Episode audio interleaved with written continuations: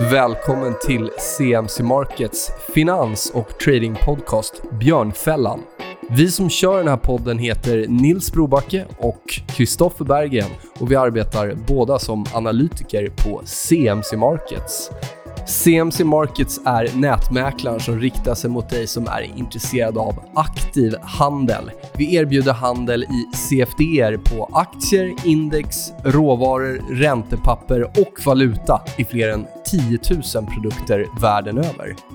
All handel sker via vår kostnadsfria och prisbelönta handelsplattform. Vi finns nu i 17 länder och är börsnoterade på London Stock Exchange.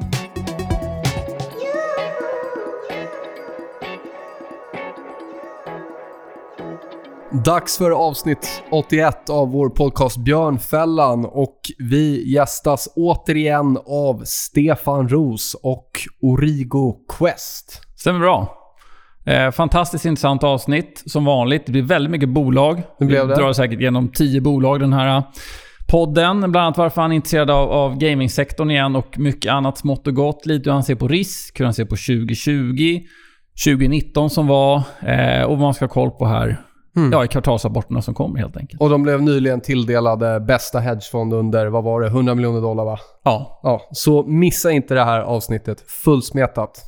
Då välkomnar vi tillbaka Stefan Ros eh, till Björnfällan. Du var med här i avsnitt 44. Det är snart två år sedan. Eh, tiden går fort. Varmt välkommen tillbaka. Tack så mycket. Kul att vara här igen. Eh, du förvaltar Origo Quest 1, heter fonden. Och jag tror ni fick ett pris för några veckor sedan, va? Ett par veckor sedan. Det stämmer. Fonden blev vald till Europas bästa hedgefond bland de långa och korta hedgefonderna. Eh, i, bland de mindre fonderna, upp till 100 miljoner dollar. Okay. Så det var en väldigt fin utmärkelse. Vi har, vi har varit nära ett antal gånger, men det kändes lite som eviga tvåan. Men nu vann vi, så det var skönt. Då får vi gratulera. Vilka är det som delar ut det priset? HFM. Ja. Så det, det tror jag är den största organisationen Absolut. i Europa. Mm. Så det känns väldigt fint. Ja. Har ni en titel att försvara nästa år? Ja, och det var ju bland urvalskriterierna kan man ju, lite intressant. Det, det var dels årets performance, men även performance på lång sikt. Plus ett antal kvalitetsparametrar som redovisning och transparens och sånt. Mm. Är det, tittar man på riskjusterad avkastning? Ja, och, risk, ja. och vilka risker som har tagits. Mm. Spännande. Men du, eh, när vi ändå är inne på det lite kring eh, din syn här på den senaste rapportperioden och framförallt kanske 2019 som helhet. Eh, vad, vad, vad, är din syn och är det något som har överraskat dig? Det är det väl alltid förvisso, men något som har överraskat mer än annat? Om, om vi tittar på bolagen som vi följer, det är mest små och medelstora bolag, men jag tycker den avmattning i konjunkturen som man har gått och väntat på ganska länge, den, den har också synts när vi läser rapporterna och när vi träffar företagen. Så jag skulle inte säga att det, det vi har som sagt var väntat på det, så det är ingen stor överraskning. Men eh, helt klart så ser man av en, känner man av avmattningen. Eh, det som har slagit mig mest under hösten, det är väl att riskviljan är så hög fortfarande. Trots att eh, signalerna pekar neråt, makrosignalerna. Eh, och företagen har det lite svårare. Så att... Och när du säger riskvilja, då tänker du på stora breda index som har gjort nya all time highs här under, under hösten, eller? Ja, riskviljan tycker jag, den har lite svårt att förstå det. För den, ja. å, å, ena sidan så älskar marknaden eh, dyra kvalitetsbolag. Och de blir bara dyrare och dyrare. Ta Atlas Copco som exempel. Samtidigt, men det, men det kan jag förstå, det hänger ju lite ihop med om man är rädd för makro och rädd för vinstutveckling och så vidare så vill man gärna hålla sig till kvalitet. Men samtidigt som man letar kvalitet så letar man också efter liksom mera turnaround-case och man letar också rena förhoppningsbolag. Så jag tycker det är, det, det är nog en riskvilja totalt som överraskar mig. Vi ser vissa techbolag går jättebra, vissa medicintekniska bolag går fantastiskt bra. Eh, så att det finns helt enkelt mycket pengar där ute. Väldigt mycket pengar. Det, det kanske överraskar mig mest. Om man tittar på, som du säger, så har ju recessionsoron liksom dominerat här under året, handelskrig och så vidare. Och speciellt i början av, av hösten här.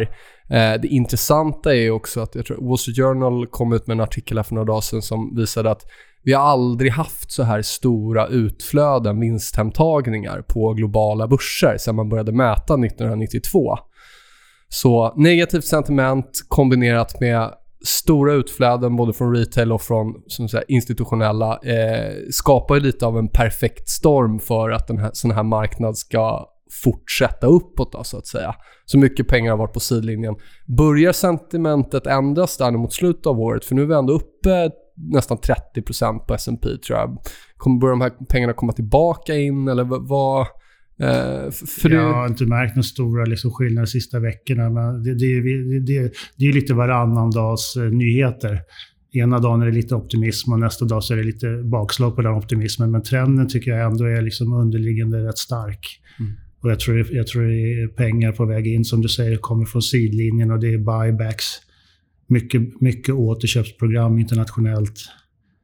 Uh, så att, uh, nej, jag än så länge så får man väl säga att pilen är snett uppåt. Eller... Sen är det lätt, också lätt att glömma att vi började ju, vi prickade ju i princip botten när året började. Alltså botten från vändningen i december. Sen var det svårt att veta att den skulle komma där. Så att den här uppgången vi har haft på typ, ja, nästan 30% Tittar man tillbaka ett år så är den ju inte jättekraftig. Men sen årsskiftet så är det klart att det ser jättestarkt ut och det är klart att det kanske skapar lite FOMO-känsla där ute. Det är ändå ett par nya all time highs ja, absolut. USA Nej, men det är OMX har brutit över ett femårigt motstånd. Så. Självklart, självklart. Men det är lätt att man bara tittar, liksom, som vi har pratat om tidigare, ja. årsstarter hela tiden. Nej, den här tiden, november, december förra året var ju ganska mörkt. Det var väldigt mörkt. Sen mm. blev det kolsvart. Att, eh, men det, det, när vi pratar om årets börsstart så var det lite intressant. Det var cykliska aktier som tog eh, täten. Och det tror jag ungefär 0% av marknaden eh, hade förväntat sig. Ja, det var... Mm. Ja. Så att... Uh... Men de bolagen ni följer av, vi kommer väl säkert komma in på 2020 framöver också, men vad säger de om kommande år? Är de mer oroliga än vad man har varit inför de här, inför senaste Q3 Eh, rapporten? Eller ja, jag tycker det.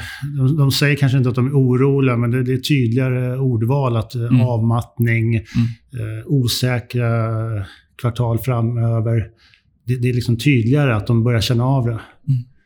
Så, att, eh... så tror du liksom, så du skulle snarare säga att det blir att då, då mer large cap som du pratar om som har gått bra, snarare borde närma sig det som du tittar på än det motsatta, att, att det mindre kommer i kapp så att säga?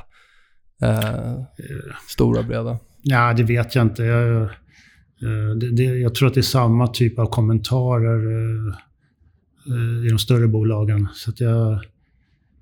Eh, för, för, förr i tiden så var det ofta så att när det blev en viss oro så var det ju small cap som direkt tog stryk. Exakt. Men jag tycker inte det har varit så sista åren.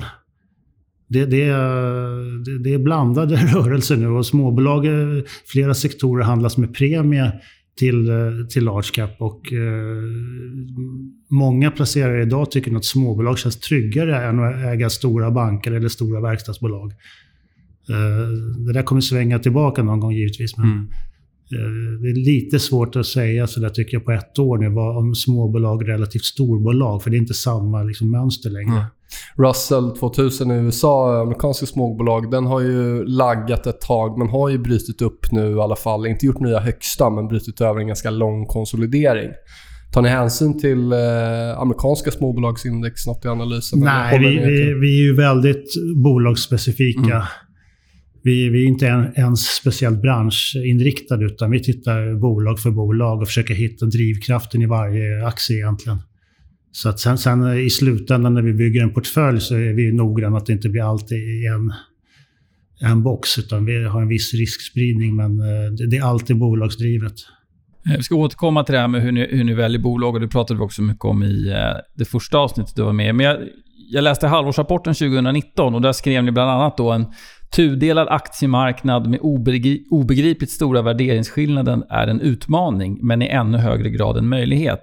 Var det någonting ni såg för ungefär ett halvår sedan eller ser det ut så fortsatt idag? Och i sådana fall, var är det ni ser möjligheterna någonstans? Eh, det, känns nog lite värre för ett halvår sedan eller ett år sedan än idag. Men det vi menar var ju att eh, vissa sektorer som har varit populära nu ett par år har bara blivit mer och mer populära, dyrare och dyrare. Medan vissa sektorer har gått åt andra hållet. Mm. Väldigt enkelt uttryckt skillnaden mellan tillväxt och value. Eh, men det finns även på andra kvalitetsmått man kan se där, skillnaden bara har växt. bra kvalitetsbolag har blivit betydligt dyrare än vad de har varit historiskt. och eh, bolag som inte har levererat har blivit handlas långt under sina historiska snitt. Så att, eh, det blir en slags momentummarknad. Och det har väl att göra också med billiga, billigt kapital, flöden in i indexfond. Det finns många parametrar som tror jag driver på den där momentumtrenden. Förvaltare blir också lite paralyserade och känner liksom att ja, det som har funkat, eh, det är lika bra att behålla det. Även om P talet har gått från 15 till 25 det, det verkar ju funka fortfarande. Mm, mm. Och så, för, så förstärks de här trenderna bara. Det, det, det, är väl något som har, vi har upplevt i flera år, att uh, vi letar ju ofta efter sånt som kanske inte är så populärt för tillfället, men som vi har en bra potential på 3-5 års sikt. Och eh, vi har hittat många sådana bolag som har förändrat sig och blivit bättre, men multipelmässigt har det inte skett så jättemycket skillnad. Så det hänger, det hänger kvar ganska länge, liksom perceptionen att det där är liksom lite sämre bolag, de ska vara lite billigare. Och de här fina som har gått jättebra, de får gärna vara dyra och de, de får gärna vara ännu dyrare framöver. Så det, det, är klart att det är en utmaning för en fond som oss som är väldigt kvalitets och värdedriven. Vi gör ju jättemycket jobb på just att hitta de här parametrarna i bolagen som ska skilja dem från andra bolag. Och får man inte betalt för de här mm. faktorerna så det, det, är en utmaning. Men samtidigt så har vi sagt att vi är en lång och kortfond. Vi har chansen att blanka aktier också. Så därav ser vi då en möjlighet att eh, vi tror ju att det här kommer rätta till sig. Jag tycker det har lite börjat under hösten. Att liksom skillnaderna krymper lite. Så vi, vi, vi har ju flera blankningspositioner som har gått riktigt, riktigt bra. Men har det varit eh, alltså, positioner tagna baserat på värdering eller är det mer just caset kring företaget? För att värderingspositioner, de kan ju bli, som du var inne på, dyrt har blivit dyrare. Och det kan ju gå väldigt Billigt fort. kan bli billigare. Exakt. Ja. Uh. Nej, men det är väl... Uh, jag ska inte säga en lärdom, för man, jag visste nog det för, för tio år sedan också. Men det har ju verkligen blivit tydligt att det är så. Mm. Att dyrare blir dyrare och tvärtom. Men vi, vi försöker bygga det på kvalitetsfaktorer i bolagen. Som vi ser eh, till exempel en tveksamhet i kassaflödet i ett bolag. Vi ser kopplat till en oklar strategi och kanske då en hög värdering. Då, då blir det spännande liksom som ett blankningscase. Eh, så vi försöker alltid ha någonting liksom, att bygga på som inte handlar om värdering. Mm. Värderingen säger lite mer om sen potentialen ifall det blir en förändring. Mm. Du nämnde ju det där, hitta bra bolag, ni liksom se, kryssar av de boxar som ni vill men ni får ändå inte den här eh, effekten i priset. Och vad är det för trigger där som, som liksom behöver komma eh, för att den vändningen ska ske? För någonstans som vi sa, något som fundamentalt är billigt kan bli väldigt, väldigt mycket billigare. Och Det är ju inte något som bara existerar på aktiemarknaden utan tittar vi på räntemarknaden så har liksom tioåringen från i höstas gått från 3,25 ner till 1,4 och det, det, var det nästan ingen som sa rent fundamentalt att det ska hända. Vi kan kolla på dollarn eller vad det nu kan vara. Så saker och ting trendar ju. Vad är det liksom kan ni se några sådana triggers som behöver komma i, liksom för att priset faktiskt ska vända i de här bra bolagen? Ja, det, där, det är en bra fråga. Vi har ju funderingar i varje innehav. Vad skulle kunna hända här? Eh, och det är väldigt olika förklaringar. Men om jag tar ett, eh, jag kommer på nu ett, ett konkret exempel. Vi har ägt hisstillverkaren Alimak ända sedan de kom till börsen. Och eh, när vi går igenom Alimak, vårt sätt att se på det, så ser vi att det här, det här är betydligt mer kvalitet än det genomsnittliga verkstadsbolaget. Eh, man tittar på deras geografiska footprint. Finns i alla delar av världen med, med både produktion och med eftermarknad och så vidare. Eh, de har en väldigt hög serviceandel på sina intäkter. Jag tror 65 procent av resultatet kommer från servicebusinessen. Vilket betyder att de är inte alls så cykliska som, som verkstad brukar vara. Eh, de har en eh, liksom, jätteerfaren ledningsgrupp, stark styrelse och så vidare. och så vidare och så vidare. Eh, men multiplarna ligger på samma nivåer som, vi ska kalla det för fulverkstad. Och då funderar man ju, vad ska hända då? Och jag, jag, jag, kan inte säga exakt vad det är, men jag tror att vid något tillfälle så kommer det en väldigt, väldigt stark rapport. Nu har, varit, nu har rapporterna varit ungefär som förväntat. Eh, eller så kommer ett förvärv, det vet jag också, det är någonting som ligger i deras strategi, som får folk att liksom börja titta på det på allvar. Eh, men det där är, det där är liksom en miljondollarfråga. Mm. Vad, vad är triggern? Ja, vad är triggern? Och det, det, har man väl också lärt sig under alla år. Att avkastningen är aldrig linjär. Utan det, det, den, vi förväntar oss 15% årlig avkastning mm. på Alimak. Men det kan ju komma 50% ett år och sen ingenting på tre år. Mm. Eller så. Så, så, så att... Uh, uh, ja, det, det, är en bra fråga, men jag har inget, inget klockrent svar. Men man har ju vissa idéer om varje bolag, vad skulle kunna hända. Och just i Alimak så är det väl förvärv eller uh, att lönsamheten helt enkelt kommer upp en bit. Du nämnde att just bolaget var kvalitet för, här, för er. Mm. Men vad är då kvalitetsbolag för er? För det kan ju också skilja mellan förvaltare. Ja, det skiljer ju. Eh, där kan jag väl säga att min personliga syn eh, från början var väldigt mycket nyckeltalsbaserad. Liksom har man hög return on capital och så vidare, så, så, och ett antal, tre, fyra sådana mått där man ligger över branschen, då är det kvalitet. Men där har vi liksom mer och mer kompletterat den bilden till att titta på mjuka faktorer. Eh, vad är det för företagskultur? Eh, hur kommunicerar ledningen? Hur transparent är man? Eh, förvärv som man har gjort, har det, har, det liksom, har det hållit i framtiden eller har man fått backa på det? Så mycket mer sådana tycker jag, faktorer som man, liksom, man följer bolaget länge och bildar sig en uppfattning över ja, men det, här, det här sköts på ett väldigt bra, sunt sätt. De levererar över tid. Eh, deras produkter eller tjänster verkar hålla mot konsumenter, mot kunder. Så det, det, det, kan, det, det är en mängd faktorer som det har. Mm. Men jag tycker man, ska, man, man får nog göra, hemläxan mer på även de här mjuka bitarna. Om vi kommer in, vi pratade ju lite om det, där du nämnde att ni hade blivit belönade med ett pris här och, och riskjusterad avkastning och av faktorerna. Om vi försöker definiera risk lite. Jag vet att vi var inne på det på förra avsnittet, men det är ändå något som vi alltid gillar att ta upp här. Liksom, hur, ser du, hur ser du på risk generellt och, vad, och om vi tar idag mer specifikt eh, när det gäller portföljen och innehaven? Vad, vad, vilka bitar blir viktiga? Ja, eh, om vi tar liksom våran fond så tycker jag att eh, ha, har man, ja, den moderna portföljteorin säger ju det, har du mer än 12-13 innehav så sänker du inte din risk genom att lägga in ett 14 innehav. Och det där är något som jag har liksom alltid följt och tagit till mig. Så att jag, jag, jag, vill lägga så mycket tid som möjligt på varje innehav och inte ha mer innehav än, än vad som krävs för att få en normal liksom, portfölj. Så vi, vi ligger ungefär runt 15 innehav. Och, och, eh, jag är förvånad att inte fler gör det, för mm. vi är mm. ganska, vi är inte ensamma om det, men väldigt många sitter ju med 60, 70, 100 innehav. Men jag tror det har väl att göra lite med indexhysterin och att folk är rädda för att avvika från ett index. Och då, då, om, man, om man tänker på indexavvikelse, då lönar det sig att ha mer bolag. Vi tänker ju på absolut avkastning. Hur, eh, sen rent, eh, rent om man tittar på risk, ni är långa, ni är korta.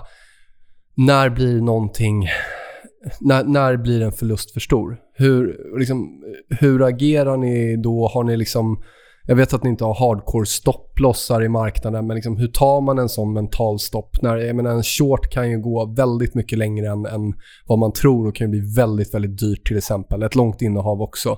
Hur tänker ni där? När drar man linjen i sanden och säger att okej, okay, vi, vi var fel här, vi, vi får borsta av oss och, och gå vidare? Ja. Eller gör ni det? Jo, vi, vi, vi tänker så hela tiden. Att, mm. eh, men för, första frågan är ju liksom, håller vår analys, håller våra argument? Eh, och vi har ju alltid liksom nerskrivet tre, fyra värdedrivare på varje bolag. De här, de här grejerna är det som vi liksom har köpt in oss i. Mm, mm. Det kan vara förvärvstillväxt eller det kan vara en turnaround-marginal eller, eller vad det nu är. Men det, det är första frågan och ibland, ibland kan man ju då märka att ja, men argumenten är inte lika starka längre. Det har hänt saker. Eh, sen är det klart att vi har nivåer i portföljen också. På långa sidan så jobbar vi med tre nivåer. Att eh, ett mindre innehav, eh, och det kan vara mindre för att det är lite lägre conviction eller så kan det vara att det är lite sämre likviditet eh, eller någon annan faktor som stör. Då, då kanske det är 2-3% av fonden. Sen har vi medelstora innehav, då är det runt 5-6%. Det är väl där vi tycker att innehav ska ligga.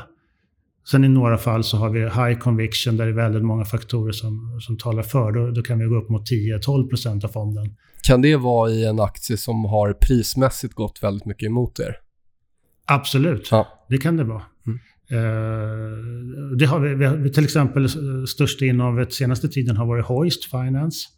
eh, som vi har en jättespännande outlook för. Vi tycker att de gör jättebra saker. De har haft lite problem med, med eh, nya kapitaltäckningsregler. Och överhuvudtaget är ju bank och finansbranschen liksom utsatt för mycket regelförändringar och påtryck. Så att eh, det värderas väldigt, väldigt lågt. Men bolaget, som den företagsspecifika analysen är klockren tycker vi. De gör mycket rätt. Mm. Jobbar väldigt mycket med ESG-frågor, jobbar med digitalisering, eh, streamlinar sin verksamhet, lägger ner olönsamma kontor. Eh, så, att, eh, så där har vi ökat på ett antal gånger under det här året. Och det är en intressant aktie. Den är ju jag hade dåligt förra året, men den är ändå plus minus noll i år om man tittar på den i princip. Eh, och ni är ju inte ensamma om, det finns ju precis som ni andra väldigt duktiga förvaltare på stan som gillar Hoist. Uh, och, men som, uh, ja, som det är, det, det, det, har gått emot. Vad är det man, för jag tror jag hörde redan det för något halvår sedan eller ännu mer. Eh, att man lyckas inte riktigt kommunicera ut till marknaden. Är det fortfarande det som är problemet? Eller det är nog en, en eh, pusselbit ja. Uh, om, om, man, om man liksom tittar på det bara med snabba ögon. Uh, de köper förfallna fordringar i Polen och man, man kan nog få en, en obehagskänsla att det här är hö, väldigt hög risk. Mm. Och jag tror ganska många förvaltare som inte liksom tränger ner i bolaget, uh, liksom, de kan inte skaka av sig den där risken. Mm.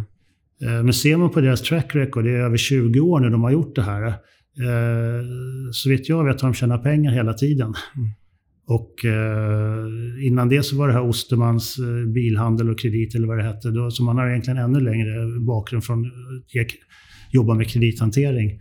Så jag tycker den här risken är överdriven. Men kanske att bolaget, om de skulle förstå att det där kan vara en issue ändå, mm. att de skulle vara ännu tydligare med vad är det för portföljer de har köpt hur ser kunderna ut bakom portföljen? Vilken typ av lån? Är det konsumentkrediter? Hur mycket varje belopp är? Och, eh, så att, eh, det är ju en grov generalisering, men generellt sett så de, den typen av lån, det är väl egentligen, för det mesta så vill väl folk klara av att betala sina skulder. Om vi börjar generalisera, även om det är Europa, om vi inte bara fokuserar på Sverige, så eh, som du säger, track record ändå bra. Vad, vad är anledningen till... Är, kan, är det stora blankare som har varit inne i aktien? Eh, har det spelat roll? Är det något som ni tittar på? Ja, jo, men sånt där följer vi. Ja. Och, och det, det, är väl en sak som skapar väldiga rörelser på börsen. Och då, då gäller det att man förstår var de där rörelserna kommer ifrån. För vi, vi, vi vill ju gärna... Eh, om, om, vi tror på ett bolag så köper vi gärna mer om, om, det blir en dipp. Mm. Och tvärtom om den rusar åt andra hållet. Så det gäller att ha en idé om var, varför det skakar till så mycket. Och just i Hoyt kan det nog vara blankare mm. faktiskt. Mm. I, I, England har jag träffat på flera fonder som är väldigt negativa. Men de, jag, när jag, de jag pratar med, de kan inte Hoist utan Nej. de ser hela branschen. Ja. För, för det första gillar man inte bank överhuvudtaget Nej. i Europa. Eh, sen gillar man, gillar man inte förfallna lån. Och sen finns det några bolag i Europa som har haft väldiga problem. Men de bolagen har haft dåliga huslån i Rumänien och det är helt andra typer av krediter. Många av de blankarna är, tittar mycket på momentum också. Bara att aktien har gått de facto ner. Ja. Så då fortsätter man att blanka på det. Och så jämför de, eh, de tittar på tre, fyra liknande bolag i Europa som har kraschat och har jättefinansiella problem. Och så, så hittar de Hoist i, i, Sverige som har, visserligen har gått ner men som, har, som jämförelsevis mm. en, ligger långt, långt över. Då, ser de, då hittar de ett nytt blankningscase. Men eh, det där är ju liksom, eh, det är inte djup företagsanalys som ligger bakom den så att där, där är ju vår idé att över tid så rättar sånt där till sig. Och när de släpper så kan det gå väldigt snabbt på uppsidan sen. Ja, För då, då ska då, hela kollektivet ut och då blir det en riktig sån short squeeze Då vänder ju allting. Liksom, ja. så att, eh, vi, vi, eh, vi, vi, följer det noggrant för vi vill känna till liksom var, var rörelserna kommer ifrån. Men vi, eh, vi, vi, vi baserar ändå vår analys hur vi ska jobba. Så att vi tycker då, vi bockar av Hoist fortfarande på i stort sett alla parametrar. 45 kronor ser ju rent tekniskt ut som en viktig nivå. Eh, när jag kollade på det. Är det. Finns det något, återigen gå tillbaka till det där med risk. Finns det något pris som ni känner att okej, okay, nu, nu har det gått för mycket emot oss? Eller är det just en förändring i det fundamentala som behöver ske då, i det här fallet? Ja, vi, vi, jag har aldrig tror jag, i mitt liv sålt en aktie för att den passerar någon nivå. Nej. Alltså. Uh, ja, bra. Det, Enkelt svar på frågan.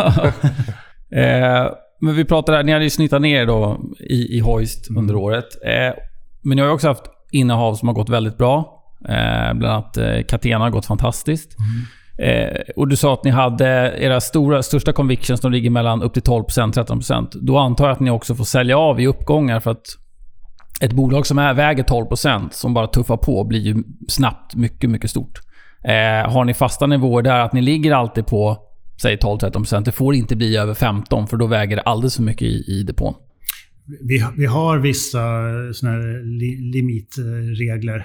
Men eh, det, det ligger högre upp. Rent, tekt, eller rent liksom policymässigt kan det gå vidare upp mot 20. Men så eh, i normalfallet så tycker vi att liksom 12, 10, 11, 12 procent det, är- det är en stor position. Några gånger har vi varit uppe på 15 och då, då har vi superkoll på det för då, då vet vi att den liksom lever lite på övertid så att säga. Mm, mm. Men vi letar ju alltid efter alternativ och om vi, om vi tar Catena har varit en magisk investering för oss. Och ännu mer magisk om man tänker på att vi, vi köpte Tribona en gång i tiden som blev uppköpta, som blev Catena. Eh, och den, den har gått värderingsmässigt från att handlas med en stor rabatt till sektorn till en premie mot sektorn. Vilket i och för sig varit helt rätt, för de, de växer fortare än branschen. Var det ett scenario ni såg eh, tidigt? så att det, det, var, det var liksom nummer ett i analysen att eh, logistik kommer vara superhett många, många år. Och det, tror, det tror vi fortfarande. Eh, logistikfastigheter för fem, bara för fem år sedan, är rätt kul, så tyckte många att logistik, ja men det är ju det är lager och det är liksom lokaler ute liksom i, eh, lite utanför städerna. Det, om hyresgästen lämnar där, vem ska då ta över? Det blir liksom lägga ner och en sån lokal kan bli värdelös väldigt, väldigt fort.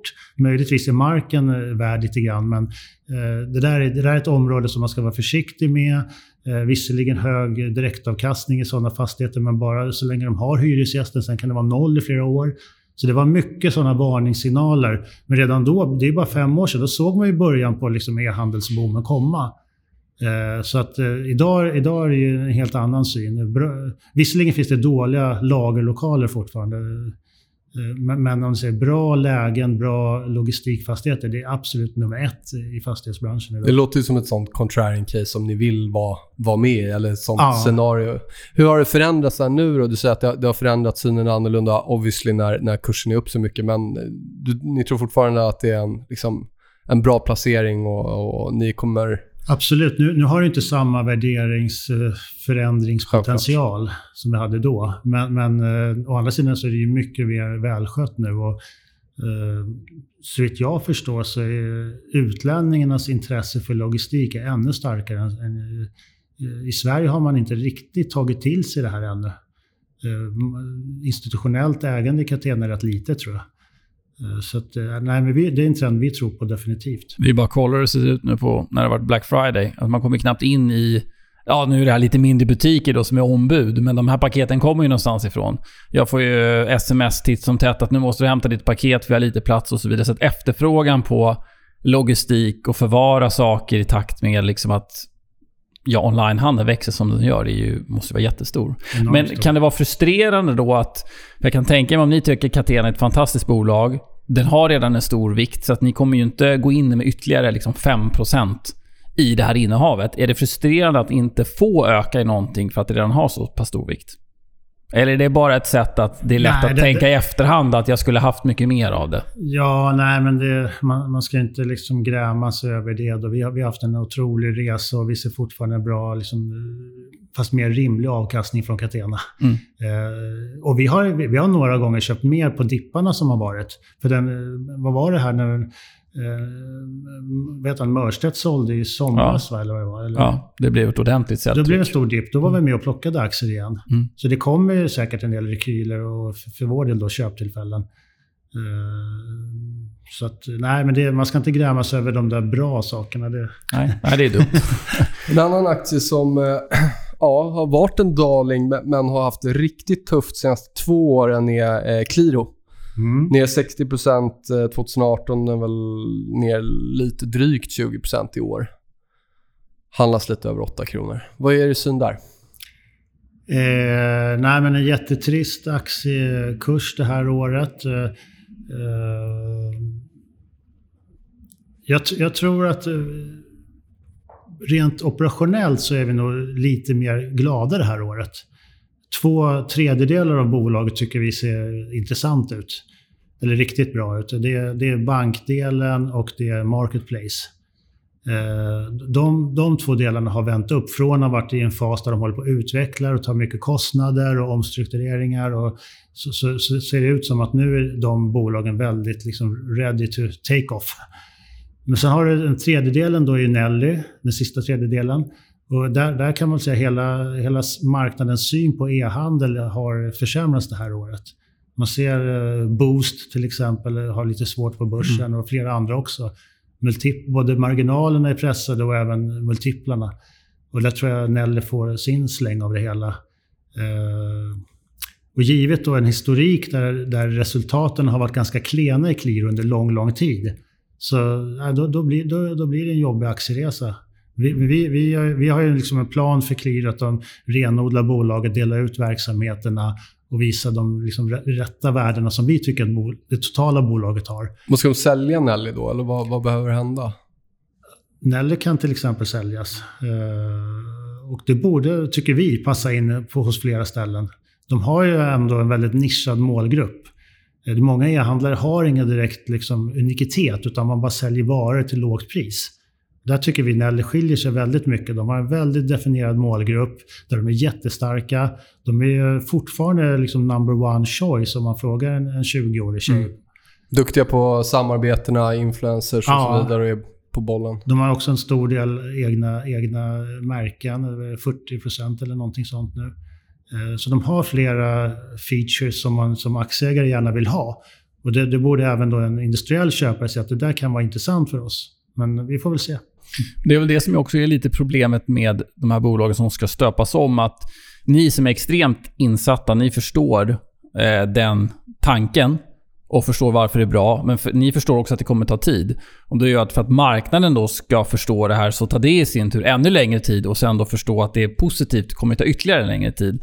Eh, upplever ni att ni får sitta längre med innehav just av turnaround-karaktär innan de liksom går åt rätt håll? För att det tar ja. tid för marknaden att förstå det ni så att säga förstod innan. Ja, det, det, det håller jag med om. Att det, tar, det, det, det tar tid. Eh, man kan säga att det är ganska långt efter de redan har vänt, då börjar marknaden mm. förstå det. Och i den här, just nu så som aktiemarknaden har varit, där många momentumbolag bara har fortsatt att tuffa på, då finns det ännu mindre intresse från många att liksom, men varför ska vi rota i det här bolaget för som har haft problem i tre år? Även om de håller på att vända så vill jag nog se liksom att vändningen blir ordentlig och på riktigt. Så att, eh, nej men vi, jag kan se tillbaka att många av våra case har, varit, har vi varit för tidigt inne i. Mm. Vitrolife, ni var korta förut. Är ni fortfarande korta? Vi har en mindre kort position ja. där. Vi har, vi har ett kluster av eh, medicintekniska bolag som vi är korta i. Berätta tankarna där. Och ni är inte, det är ju par andra, några andra fonder vet jag på stan som har varit korta också. Ja, där, där är då med, tillbaka till någon av de första frågorna, mm. att det är med, med stora värderingsskillnader mm. på börsen. Och tycker jag den, den kanske eh, sektor som har fått allra mest multipel expansion är medicinteknik. Eh, och det är en intressant bransch rent generellt tycker vi också. Det är ganska, de kan växa relativt bra även i en dålig konjunktur och växer ofta med lönsamhet. Eh, men det finns massor av risker som vi tycker marknaden eh, bortser från. Och det gäller även Vitrolife. Till, till exempel att patentsituationerna är ofta inte så rigorösa som till exempel för läkemedelsbolag. Det, det kan komma nya konkurrenter. Man, man, kanske har något metodpatent eller eh, någon del i processen som man har patent på. Men det är inte så att man har en skyddad marknad i tio år som man har i läkemedel. Eh, och vi ser också att eh, myndigheterna ställer mer och mer krav på de här med, med techbolagen att eh, eh kvalitetskraven måste upp helt enkelt. Och då, det, det, kräver kostnader, alltså mer, mer produktutveckling. Så att, eh, jag, jag, upplever när vi träffar folk i branschen så säger de att vi, får, vi sliter rätt hårt nu för att behålla lönsamheten. Tillståndsprövningarna blir svårare, våra egna kostnader går upp. Så att, eh, och det tror jag Vitrolife också känner av lite. Men, de, men det är ett fint bolag. Mm. Men sen kombinationen med lite hög, hög risk och sen en astronomisk värdering. Sen är det just du säger att det är ett fint bolag. Det är många som gillar det också. Det, du ser ju off, ofta i det bolaget på rapporter så kan det bli väldigt kraftiga uppgångar. Och sen så håller liksom det momentumet i sig eh, ganska länge. Nu kommer jag inte ihåg när det var, men det var inte allt för lång tid sedan den bröt ut en ganska lång konsolidering och sen blev det liksom, den drog iväg som en raket. Är det någonting ni tar hänsyn till i era blankningscase när det gäller just den här typen av sektor? Att det kan gå väldigt mycket åt fel håll. Ja, nej men vi väger ju in eh, likviditet och eh, short interest och allting för att se liksom vad, vad kan hända. Ja, det måste vara ganska dyrt att blanka också, eller? Ja, det, den är lite dyrare. Lånekostnaden har vi inte pratat om, men det är också något vi mm. väger in såklart. Vad, mm. mellan, vad är ballpark? Vad blir dy för dyrt för er för att ni ska kunna göra ett sånt eh, kort case, så att säga? Ja, nej, men det är lite olika vad det är för ja. typ av bolag och case och idé. Men, och tidshorisont såklart. Man, ja. Någonstans måste man ändå räkna baklänges ja. och tänka att man ska kunna räkna hem det här, så att säga. Vi, vi betalar, ja, jag vill inte gå in på någon siffra vad vi betalar för lånen, men, vi, men jag har hört vad andra betalar för lån av olika småbolag. Vi, vi gör aldrig sådana affärer. Mm. Vi, vi, är väl, vi är väldigt... Uh, Fingerprint kan jag väl säga, den kostade 50 procent uh, på toppen. Mm. Och då, vi, vi vill väldigt gärna blanka Fingerprint. Det blir svårt. Av olika skäl. Men mm. vi tackar nej. Liksom. Det, det, vi kan inte ta sådana... man kan inte ligga back 50 procent. Men sen gick vi ja. ner med 80, så det hade mm. blivit en bra affär. Men... Absolut. Det är lätt i bakluckan. ja. Det blir jobbigt om den fortsätter upp och du måste täcka positioner som ja, eller, 50. eller plus minus noll. Ja. ja. Eh, men en annan sektor som har det lite tufft. Det känns som att marknaden vill, vill gilla den här sektorn lite, mm. men man vågar inte. Och Det är ju bland annat Resurs då, som ni har en ganska stor position i. Mm. Eh, vad är tankarna kring, kring den sektorn som de verkar i? Sen vet jag också att ni har en kort position i Collector. Va? Mm. Är inte alls lika stora då, men berätta lite om den sektorn och hur ni Nej, tänker. Det är, det är på motsvarande sätt, fast åt andra hållet. Tycker, vi tycker att eh, finans och bank straffas alldeles för hårt. Eh, och eh, man, man tänker mycket på framtidsbranscher och så. Liksom eh, man vill gärna placera i bolag som har gynnsamma långsiktiga möjligheter att växa i, den här nya världen. Men, men bank har ju sin plats där också, eh, tycker vi. Och eh, många av de här bankerna håller på att digitaliseras nu. Och just Resurs tycker vi är en otrolig kvalitetsbank. De har också ett 20-årigt track record, de har skött sig utan problem egentligen. Banken är liksom född från eh, handeln kan vi säga. Mm. Så de har ju vuxit med olika kedjor. Siba var väl den första, men nu har de ju nästan... De är marknadsledare mot alla de här Bauhaus och vad det nu är. Eh, så de har vuxit med handeln och utvecklat sina tjänster ihop med sina kunder. Och Det tror jag har varit en nyckelfaktor, att, liksom inte, att inte går bort sig. Och, eh, om, vi, om vi jämför då med många av de superheta fintechbolagen som vill erövra bankmarknaden. De växer ofta utan kunder och de är en teknisk lösning. Men jag tror att det, det kan bli en backlash att du inte har växt med kund och du, du har inte byggt de här grejerna för kunden utan byggt lite för dig själv. Och, eh, så att eh, vi, vi tänker lite contrarian här. Eh, Värderingen är väl låg, det är hög direktavkastning och så vidare. Men, ja, men tar marknaden ut... Balansräkningen är stark, kreditförlusterna är låga eller stabila. Eh, ledningen är väldigt jordnära. Ändå kan det här bolaget växa med ungefär 10% per år. Och det har vi gjort under lång, lång tid. Det är ungefär samma tillväxt som Vitrolife. Vitrolife handlas på P 40 eller någonting sånt. Eh, resurs handlas på P8. Mm. Motsvarande tillväxt. Och du, du nämnde det kort, men ni, ni, ser inga... Man tänker direkt så här, men okay, men kreditförluster är något som har ökat. Ni, det är inget sånt ni ser äh, som marknaden tar, tar Nej, det var, det var en mikroskopisk uppgång tror jag, senaste rapporten. Ja. Men, men det, det, är på låga, stabila ja, nivåer. Bara... Så, vi, så vi, ser, vi ser inga bekymmer. de har lite struligt i Norge just nu, Resurs. Det är det enda som man kan ta upp. Eh, Norge har infört lite andra regler för hur man får marknadsföra lån och sånt där. Som har gjort att det har blivit eh, lite svårare att tjäna pengar i Norge.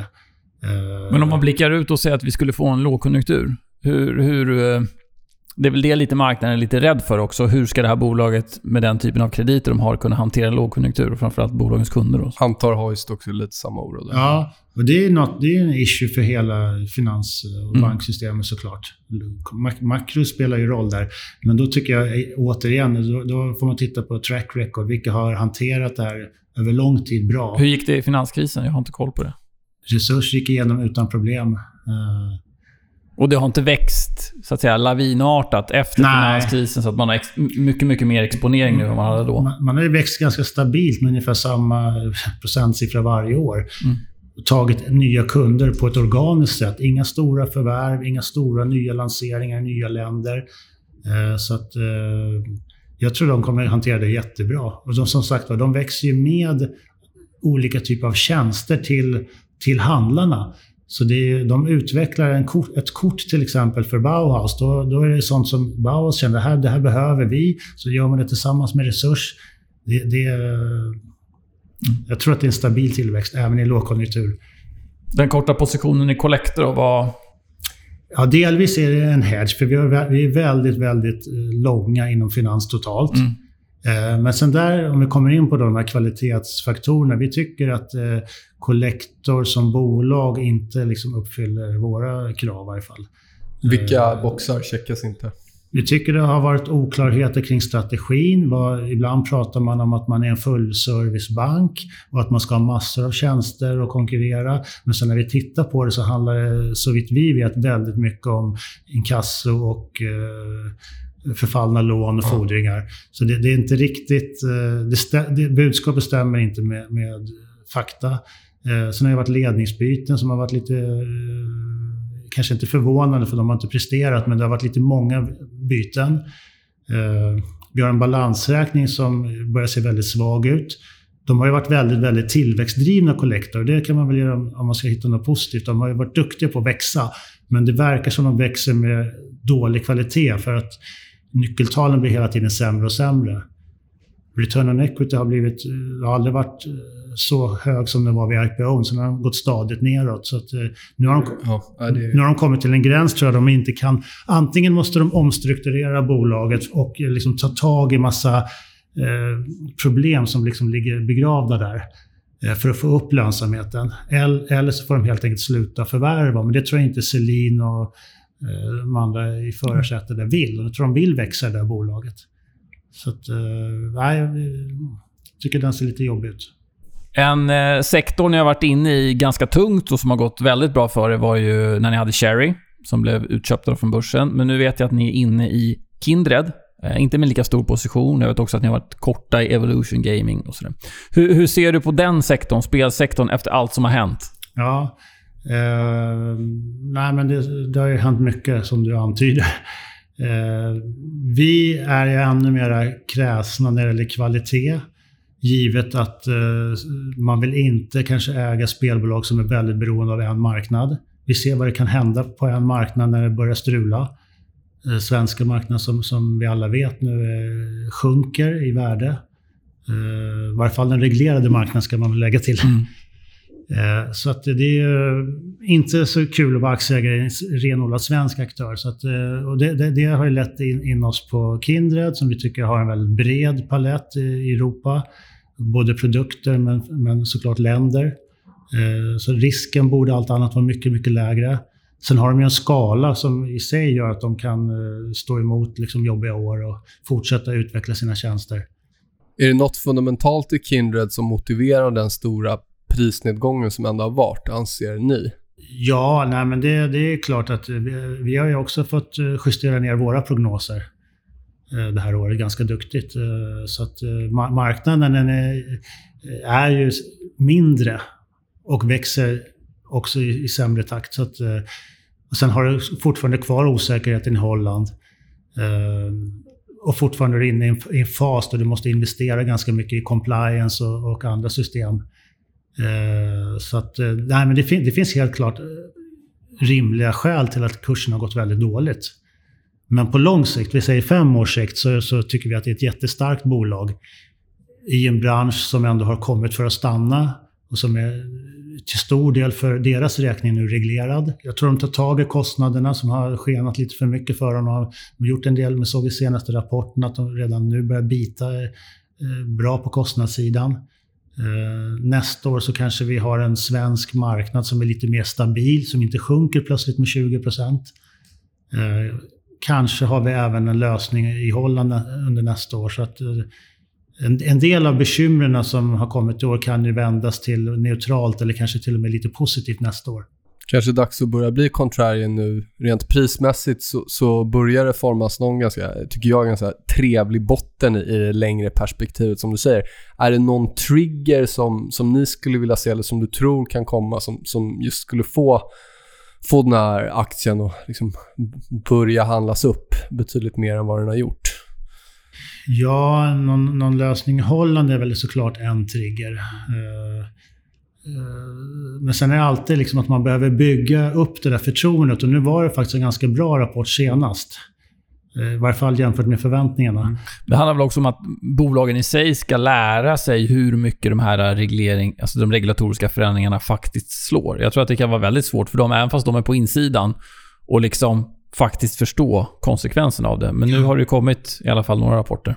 Nej, men det måste man ju säga till hela, till hela den branschen. att eh, Jag tror samtliga såna spelbolagsdirektörer trodde att Sverige skulle växa med 20 när, när marknaden blev reglerad.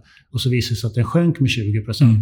det, var, det, det är en av de största felbedömningarna man, man har kunnat göra. Mm. Så att det, visst, de måste lära sig vad, vad omregleringar betyder och vad, vad händer då med en viss typ av spelare. Och, Uh, det, det, är intressant, för de sitter ju ändå och borde ha kanske inte mest information, men väldigt mycket information. Hur kommer det sig att man kan så kollektivt ha ändå så pass fel? Ja, uh, de trodde nog he helt enkelt att uh, de här, det är, det, är, en viss typ av spelare. Det är de här stor, så kallade storspelarna. Mm. Och de går ju till de ställena där det finns bonusar, där de får hålla på. Och, ja, och där, där, ja. där tänkte de uppenbarligen fel. De trodde ja. att de hade grepp om de där kunderna och att, att uh, även om det finns en del gråsajter kvar kommer de här följa med till, till oss mm. som reglerade. Och det blev tvärt emot. Ja, det blev tvärt emot. Ja. Och, uh, nu divideras det ju mycket hur stor den där andelen är, den här gråmarknaden. Och, mm. Eh. Man brukar ju säga att regleringar generellt sett ska gynna de större bolagen liksom när det konsoliderar. Men här blev det ju verkligen eh, tvärt emot, i alla fall på kort sikt. Ja, på kort sikt ja. har det gynnat de som inte kanske då gick in i regleringen. Mm. Men där, där är också våran syn. Vi, vi är kvalitetsinriktade. Vi tror att det, det kommer betala sig. De som sköter det här snyggt, som har med sig myndigheten, myndigheterna, de som uppträder bra när det gäller liksom, eh, normal typ av marknadsföring och sånt, de kommer gynnas på sikt. De kommer släppas in i olika sammanhang mm. där de inte hade kommit in om de har ett tveksamt rykte och kan då växa. Det blir förtroendestämpel. Ja, och det kan skapa då tillväxt. Och det har vi, än så länge har de ju bara fått se baksidan av att vara reglerade. Uh, så, men, men, så har man sett i andra branscher i, i, liksom i historien tidigare att skapar du en viss, eh, ett förtroende kring dig så öppnas nya dörrar. Och det, det, det tror jag spelbranschen, de kommer också komma dit. Är det lika negativt nu som det var positivt innan regleringen skulle du säga? I sentimentet då, tänker jag. Ja, det, det, det kanske det är. Det, det, det är väldigt negativt sentiment. Det är en bra förutsättning för en vändning. Då. Ja, och sen har du ju den här ESG-debatten eh, och vågen som har liksom sammanträffat lite grann. Att, Eh, fondbolag, vissa fondbolag har tagit något beslut det här året, vilket är ganska sent att ta det beslutet. När man har, följt, när man har varit ägare i spelbranschen i fem år, när det var oreglerad. Och sen när de blir reglerade så ska man eh, då ska man vara ESG-anpassad. Då, då, ska man ESG-anpassa. Ja. Så det är lite bakvänt. Men det har ju kommit samtidigt då, stora utflöden som är mera liksom policybeslut. Eh, så att eh, det kan ju också lätta lite. Sen är det klart att det är en ESG-fråga över hela branschen. ESG är ju inte ett kortsiktigt tema. Det är förmodligen något som kommer gälla tio år minst eh, i vår bransch. Och ESG-frågan kommer ju hänga över den här sektorn länge. men där tror vi också att det kommer bli mer urskiljning. Vissa bolag sköt, är reglerade och sköter sig och har måttfull marknadsföring Eh, hjälper spelmissbrukare i någon mening och så vidare. De, de, kommer ha en annan värdering på sikt än de som är bovarna i branschen. Och det, det har inte riktigt utformats ännu, liksom vilka som är bra och dåliga. Men vi tror Kindred, uppenbarligen eftersom vi har köpt, att det, de ligger före branschen här. Kort sidofråga, är det något annat innehav i portföljen som ni tror kan gynnas av ESG, rådande ESG-trend? Antingen på kortsidan, ja, någon som inte sköter sig, alternativt långsidan som ni tror har Absolut, bra vi, vi väger in det liksom i, i, i princip all, alla våra innehav, mm. både på långt och kort. Och eh, ett av fondens största innehav är ju Lindab. Mm. Uh, vi tycker det är ett klockrent ESG-case, även om det inte vanligtvis lyfts fram som ett ESG-bolag. Men de jobbar med ventilation och ren luft och inomhusklimat. Det är något som EU trycker på väldigt, väldigt hårt. Eh, vi kan jämföra med Beijer Ref, som ni vet, kyla, mm. kylbolaget. De har ja. fått en otrolig skjuts på börsen när marknaden har upptäckt att gamla kylvätskor måste bytas ut mot nya miljövänliga vätskor. Eh, det, det, är liksom lite grann motsvarande på Lindab om man tittar fem år framåt. Att eh, gamla, gamla ventilationssystem eh, skapar jättedålig luft i skolor, eh, arbetsplatser, bostäder. Så det, det tycker jag är ett ESG-case. Förutom att de gör en intern omstrukturering och får ner kostnader och eh, renodlar bolaget. Och jag kan ta att på kortsidan har vi till exempel, nu har vi stängt den under sommaren, men vi har ju haft XXL på kortsidan i flera år. Som blev väldigt framgångsrikt för oss. Och där var det ju mycket kring deras företagskultur, hur de redovisade, eh, etiken, mm. mycket insiderförsäljningar. Där var det egentligen alla möjliga ESG-faktorer fast på den negativa sidan. Armhävningar om man var sen och sådär. Exakt. Armhävningar. Det är den största triggern. ja, nej, men det, det är som på kampsportsklubben. När man vägde ihop alla, alla fel som de gjorde så vart det ju... Det vart ju lite mycket faktiskt. Mm. Är det något... Eh, fondens störst, fem största innehav och så vidare får man ju höra ganska mycket om. Eh, nu har vi för varit inne på några mindre Kindred bland annat. Men är det något, något annat innehav som du har en viss kärlek till, eh, som inte lyfts fram så ofta? Vi är kär i alla våra bolag, men ett bolag som, för, för, för att liksom förklara lite hur vi jobbar också, så ett, ett som är rätt spännande tycker jag är Dustin, eh, IT-återförsäljaren som eh, också har en, faktiskt en 20-årig historia med, med lönsam tillväxt. Det börjar bli ett tema känner jag i det här programmet. 20 år med lönsam tillväxt. Ja, det, är ganska, det är ganska positivt ja. egenskap för ett ja. företag. Eh, nej, men de, de, är inne i det här året som vi säger närmaste 12 månaderna, så håller de på att konsolidera och integrera ett antal förvärv de har gjort. Eh, samtidigt håller de på att ställa om så att många av deras eh, produkter håller på att bli eh, tjänster som man istället kan ladda ner. Till exempel om de är ute hos ett företag och eh, säljer massa PC, säger vi, så blir det en massa andra tjänster. Det blir brandväggar och det blir mm. eh, Office 365 och allt vad det heter. Och, och, och nu för tiden kan ju, inte, inte nu, det har funnits ett antal år, kan man ju ladda hem sånt där. Så att Dustin håller på att ställa om hela sin portal, hela sin produktpalett. Att det blir mer och mer nedladdade produkter från olika leverantörer. Och eh, en del program som man själva är med och utvecklar också. Så de, de, de går från hårdvara till mjukvara. SAS. SAS. Så, och då får de prenumerationsintäkter istället för liksom kränga PC. Så de, de gör jättemånga intressanta saker just nu. Eh, vilket på sikt borde leda till ännu stabilare intäkter och högre marginaler.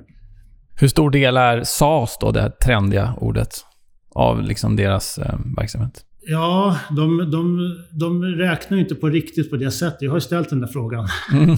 Så jag, kan, jag vågar inte svara på det, för de räknar lite andra när det gäller tjänster och mjuk, De blandar in tjänster i mjukvara. Och, uh, men den har ökat. Jag för mig att, nu kanske jag säger fel, men jag för mig att det är någonstans runt 15 procent.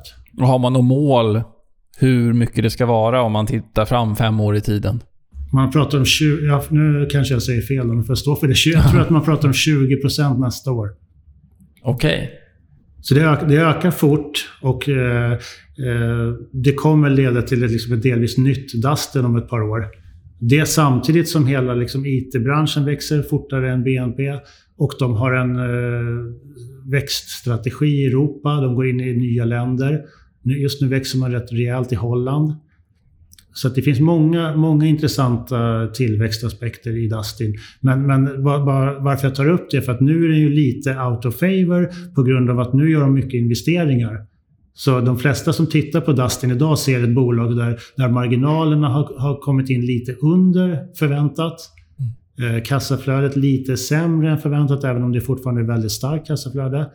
Eh, men jag tycker att det, det är ju egentligen sådana här lägen man ska börja köpa aktien. för de gör saker nu om ett år kommer vi börja se resultatet av det. Så att de investeringar man har gjort nu 2019, de kommer inte... Det kommer ebba ut ganska kraftigt inför 2020 då? Eller man börjar se effekt 2020?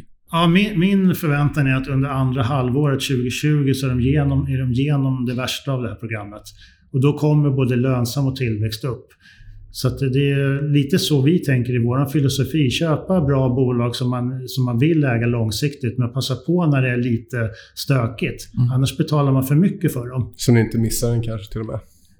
Nej, vi, vi, kan, vi vet att de kanske köper lite för tidigt nu, men sitta och vänta ett kvartal och tro att vi ska hitta absoluta botten, det, det gör vi inte, även om Nej. vi försöker inte ens.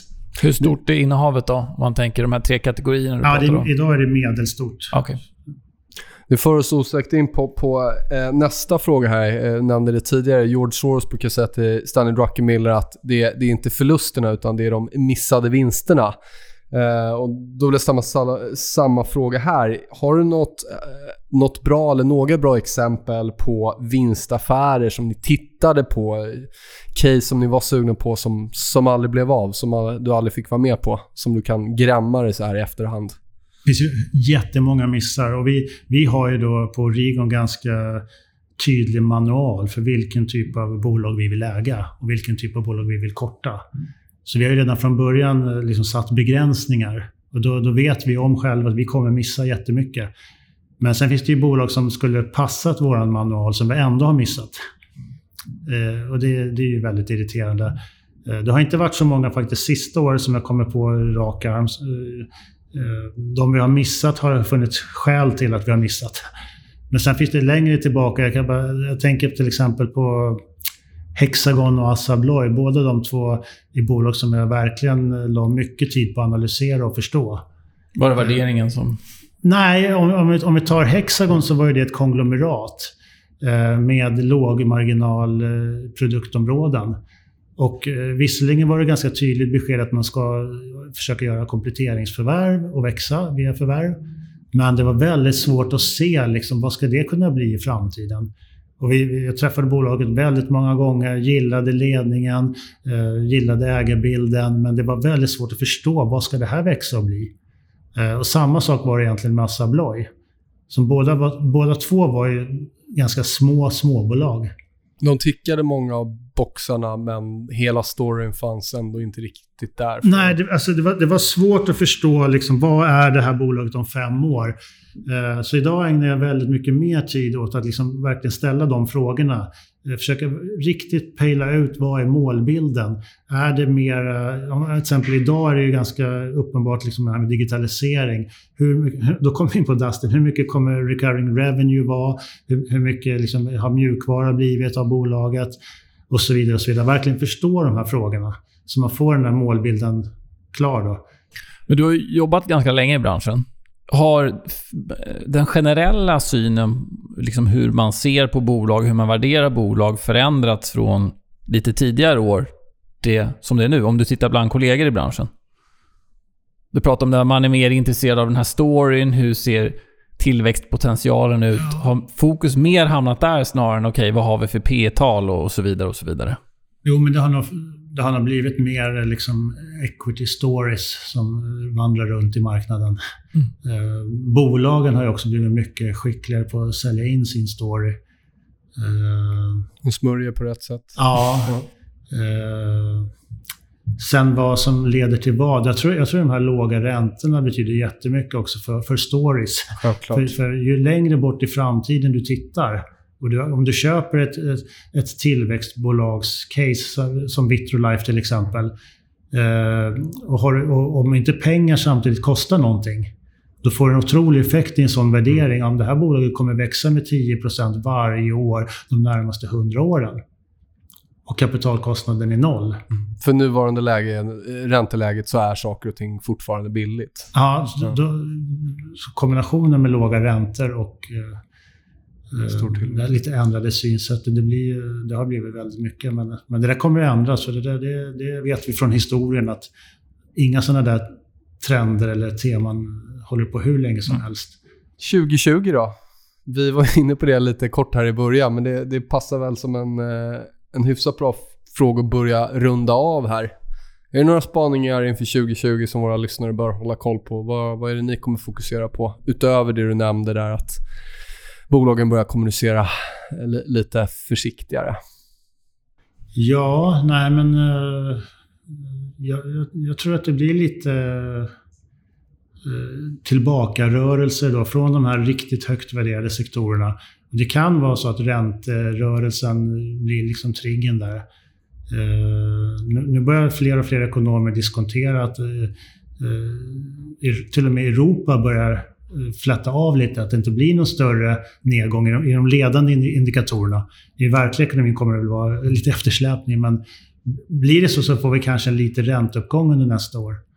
Eh, det kan vara början till en viss liksom, förändring hur man ser på sektorer. Jag tror till exempel finans och bank kan komma tillbaka. Jag följer inte storbankerna, men jag tycker de ser väldigt, väldigt billiga ut också. Eh, europeiska banker har ju efter en väldigt, väldigt, väldigt lång tråkig nedåtgående konsolidering börjat uppvisa eh, vissa positiva tecken. Eh, en sån, så, sån bäsad och sån eh, liksom, nersnackad sektor som ändå, ändå är en stor del av Europas ekonomi. Får vi en vändning där skulle ju kunna vara väldigt positivt generellt för Europa. Ja, jo, nej, men absolut, det, det, det köper jag. Det, liksom, de har, den sektorn har fått nästan alla problem i knät de sista åren. Eh, så, så, så kommer det inte vara jämnt, utan det kommer svänga tillbaka lite. Så att, eh, finans tycker jag man kan hålla ögonen på. Eh, service av olika slag tycker jag man ska hålla ögonen på. Det, det, det är kapitallätt, det är lätt att växa, det är ofta bra kassaflöden. Eh, Exempel bolag? Eh, ja, nu är det ett verkstadsbolag, men Alimak är ju ett sånt som egentligen är ett servicebolag. När 60-70% kommer från serviceaffären.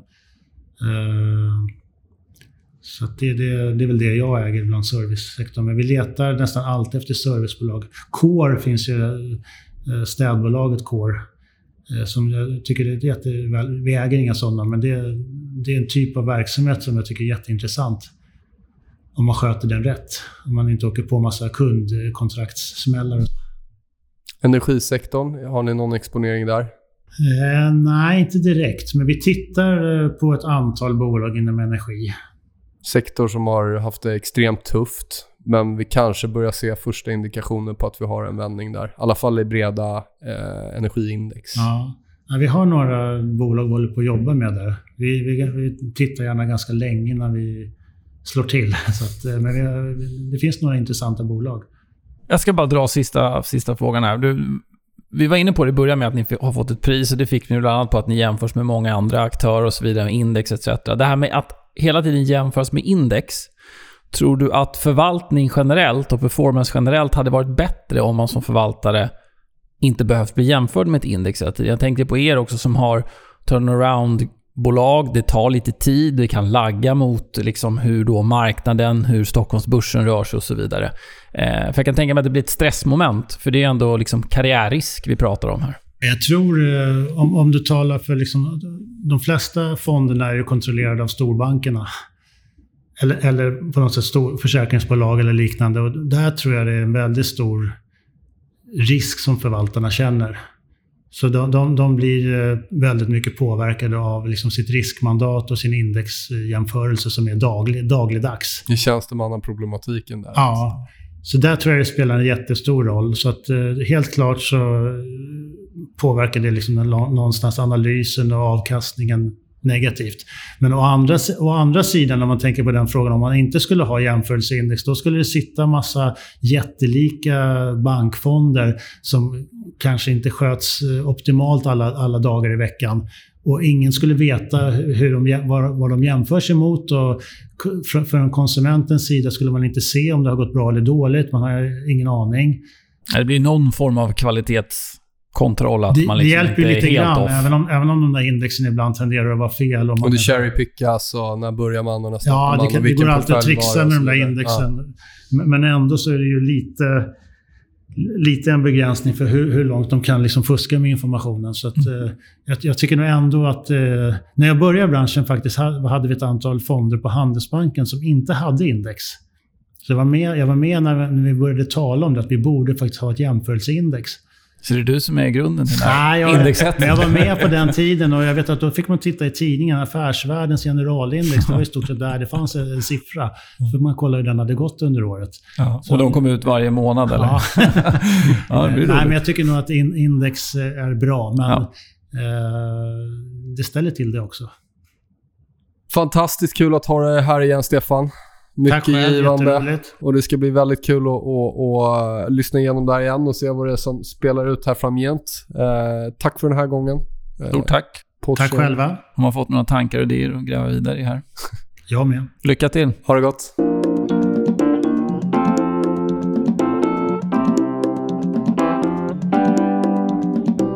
Sådär då, Kristoffer. Det var avsnitt 81.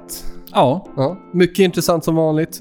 Jätteroligt att ha Stefan här. Både aktuell med, med priset här, men, men även många spännande case. ja, och spännande case. Inte rädd för att prata om, eh, om affärer som gått mindre bra och tankar där. Och, och nej, riktigt kul. Mycket och inte rädd givande. för att vara contrarian och det Nej. vi. Det gör vi.